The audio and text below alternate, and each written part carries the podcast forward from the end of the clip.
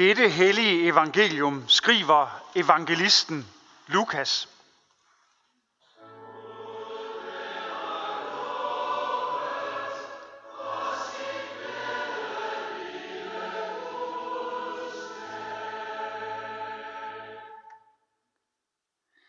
En af farisæerne indbød Jesus til at spise hos sig, og han gik ind i farisæerens hus og tog plads ved bordet.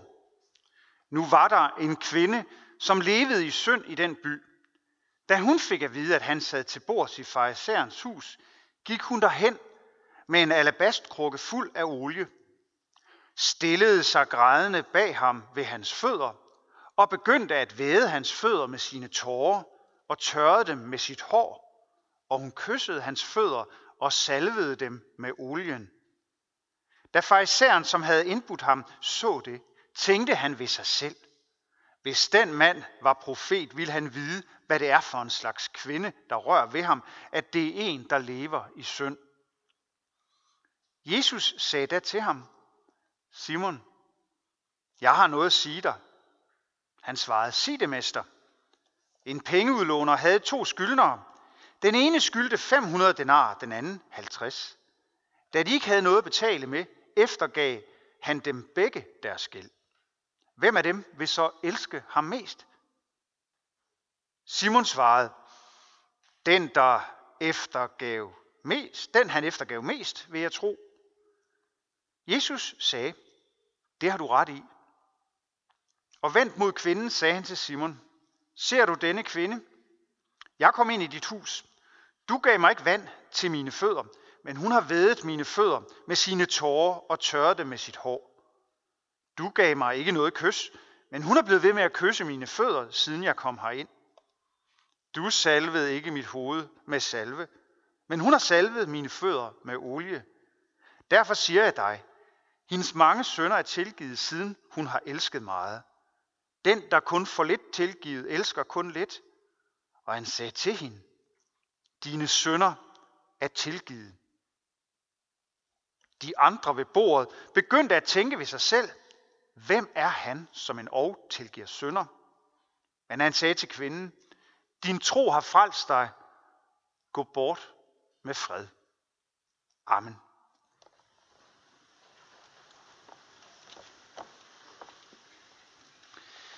Gud Fader, vær til stede her i vor midte. Jesus Kristus sender os din nåde.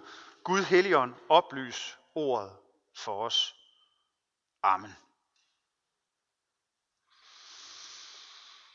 Der er rigelige muligheder for, at forarvelsen kan få frit løb i dag. Det kan simpelthen ikke være rigtigt. Det er ganske enkelt bare for dårligt. Helt ærligt, det er totalt over stregen. Det siger vist mere om ham end om hende. Og nej, jeg taler ikke om den almindelige samtale i det offentlige rum i Danmark, som ofte har karakter af forarvelse. Noget, man synes er utroligt dumt, andre har sagt eller gjort. Og på Twitter og Facebook, der har mange sider ansat moderatorer, der lurer ud i de værste ukvemsord og verbale overfald, og mange tyr selv til metoder for at blokere dem, de mener ikke er uden for rækkevidde, eller de ikke mener, det giver mening at tale med. Og forarvelsen går begge veje. Man forarves over noget, nogen sagde eller gjorde eller mente, og derefter er der så mange, der forarves over måden, måden den anden blev forarvet på. Men det er ikke tonen og dømmesyn på de sociale medier, jeg vil fokusere på i dag. For det, der sker hjemme hos Simon, den fariser, der har inviteret Jesus hjem til sig, er fyldt med forarvelse og domme. Det er også en vild historie.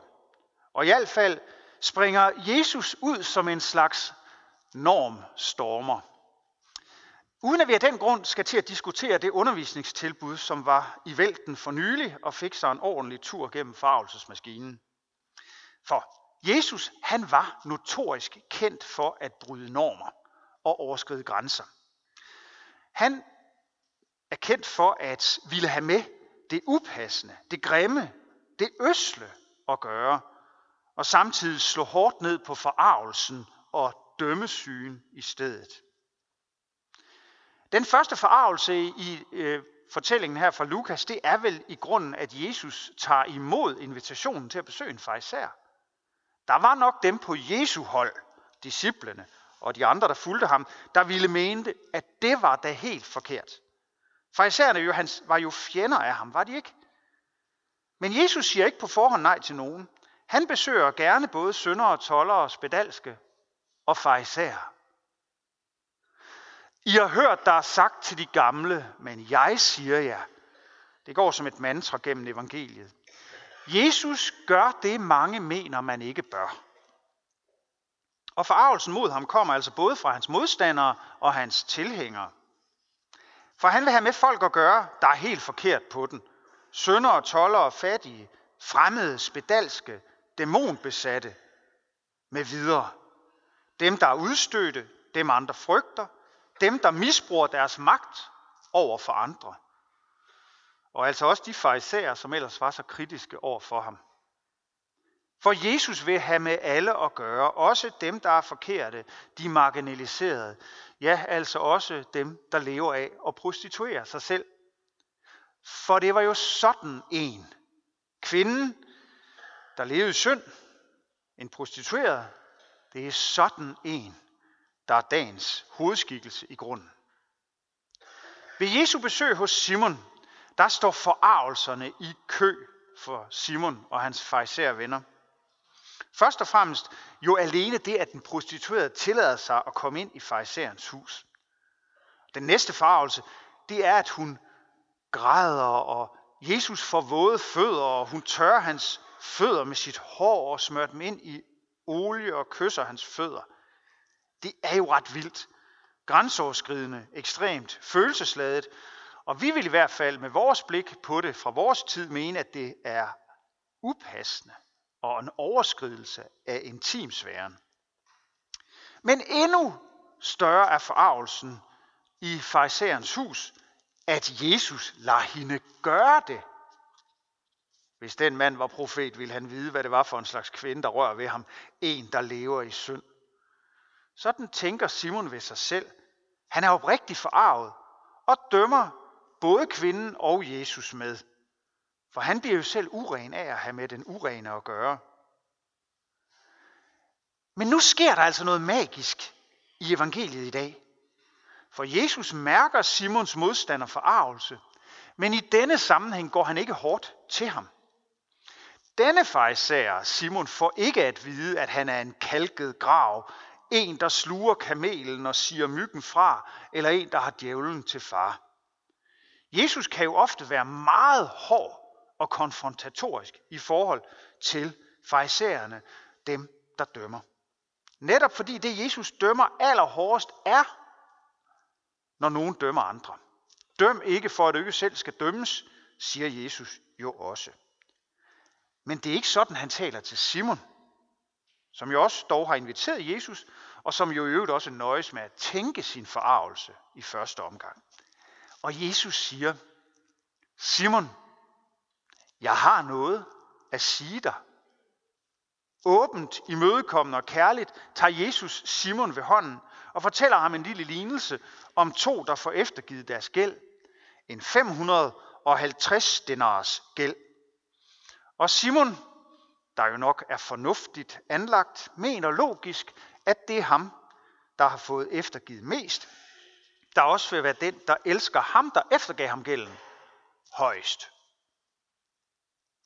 Her kunne Jesus jo have valgt at tordne mod Simon for hans umiddelbare forståelse for økonomiske forhold, der står i misforhold til hans manglende forståelse for sine medmennesker. Men Jesus siger, det har du ret i. Og så sammenligner Jesus Simon med kvinden. Du har været afmålt, venlig og samtidig dømmende, skeptisk og smålig, Simon.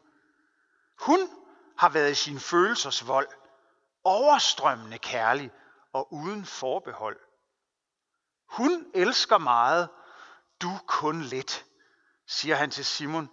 Og igen, vi kan synes, det måske lyder lidt hårdt, men det er jo i grunden så sandt, som det er sagt. Simon var med sin skepsis, sin forarvelse, sine domme over de forkerte, ikke særlig fyldt af kærlighed. Men Jesus har gemt det mest forarvelige til slut. For det virkelig forarvelige er, at Jesus til slut tilgiver kvinden hendes synd. Så begynder folk omkring bordet at tænke ved sig selv, hvem er han, der en og tilgiver synder? Og tænkte de lidt længere, kunne deres farvelse bryde ud i lys lue. For det er da kun Gud, der kan tilgive synder. Det er det mest grænseoverskridende, Jesus gør her. At han tilgiver hendes synd og sender hende bort med fred. Før prædiken, der sang vi en salme med sin alabasterkrukke, oprindeligt skrevet af en græsk nonne, Kasia, cirka år 800. I Lukas evangeliets fortælling, der er kvinden tavs. Hun græder, men hun siger ikke noget. I salmen af den græske nonne får hun, og jo også Kasia selv, ordet. Og synger, O Marias søn, du bolle, døm mig ej med læber kolde. Skjul mig i din kærlighed. Forfatteren Kasia, hun blev nonne, men hun kunne ifølge legenden være blevet kejserinde. Men da kejseren i forbindelse med overvejelsen om giftermålet talte med hende, og i den forbindelse også ville tale teologi med hende og sagde, ja, det var jo gennem kvinden alt ondt kom, altså gennem Eva, der lokkede Adam. Så svarede Kasia, også alt godt kom gennem en kvinde, altså Maria, der fødte Jesus. Kejseren blev forarvet. Han ville ikke have sådan en kvinde, der svarede ham igen. Lad os være åbne over for kærlighedens grænsesprængende forarvelse. Kærlighed bryder grænser og sprænger de skæld og mure og til tider også normer, som vi tror er de vigtigste. Simon siger Jesus, jeg har noget at fortælle dig. Og han siger det også til os, Simon, tro på, at du er elsket. Tro på, at intet kan skille dig fra Guds kærlighed. Våg da selv at elske og se på dit medmenneske med kærlighedens øjne. Amen. Lov og tak og evig ære være dig, vor Gud, Fader, Søn og Helligånd. Du som var, er og bliver en sand i Gud, højlovet fra første begyndelse, nu og i al evighed. Amen. Hellige Gud, himmelske Far, vi lover og tilbeder dig, som i godhed har skænket os livet og alle det skaber. Tak for den jord, som du har skabt, og for de medmennesker, som du har givet os at dele livet med. Vi takker dig for din elskede søn, som blev vor bror, som levede, døde og opstod for os, for Helligånden, som er midt i blandt os, for genfødelsen i dåben, for evangeliets lys og for dit nærvær og din velsignelse i nadveren. Vi beder dig for din kirke, ud over hele jorden, i Herningssovn og i alle kirker i Danmark og hvor end de er. Tag ikke nådens og sandhedens ord fra os. Bevar os i tro og indbyrdes kærlighed. Lad håbet om, at du kommer igen leve i blandt os. Giv os trofaste ledere og forkynder dit ord. Forbarm dig over alle, der far vild. Over dem, der lider for dit navns skyld. Og lad dit evangelium komme ud til alle folkeslag. Vi beder for vores hjem og vores kære, for vores daglige liv med hinanden i arbejde og fritid. Vi beder dig om fred mellem nationerne og for folkenes regeringer. Skab du fred, forsoning og retfærdighed i Ukraine, mellem israeler og palæstinenser, ja, overalt på vor klode, hvor mennesker lever vendt mod hinanden i ufred. Vi beder dig for Danmark. Bevar os som et folk blandt folkene. Vi beder dig for alle lovlige øvrigheder og for alle med ansvar i vores samfund.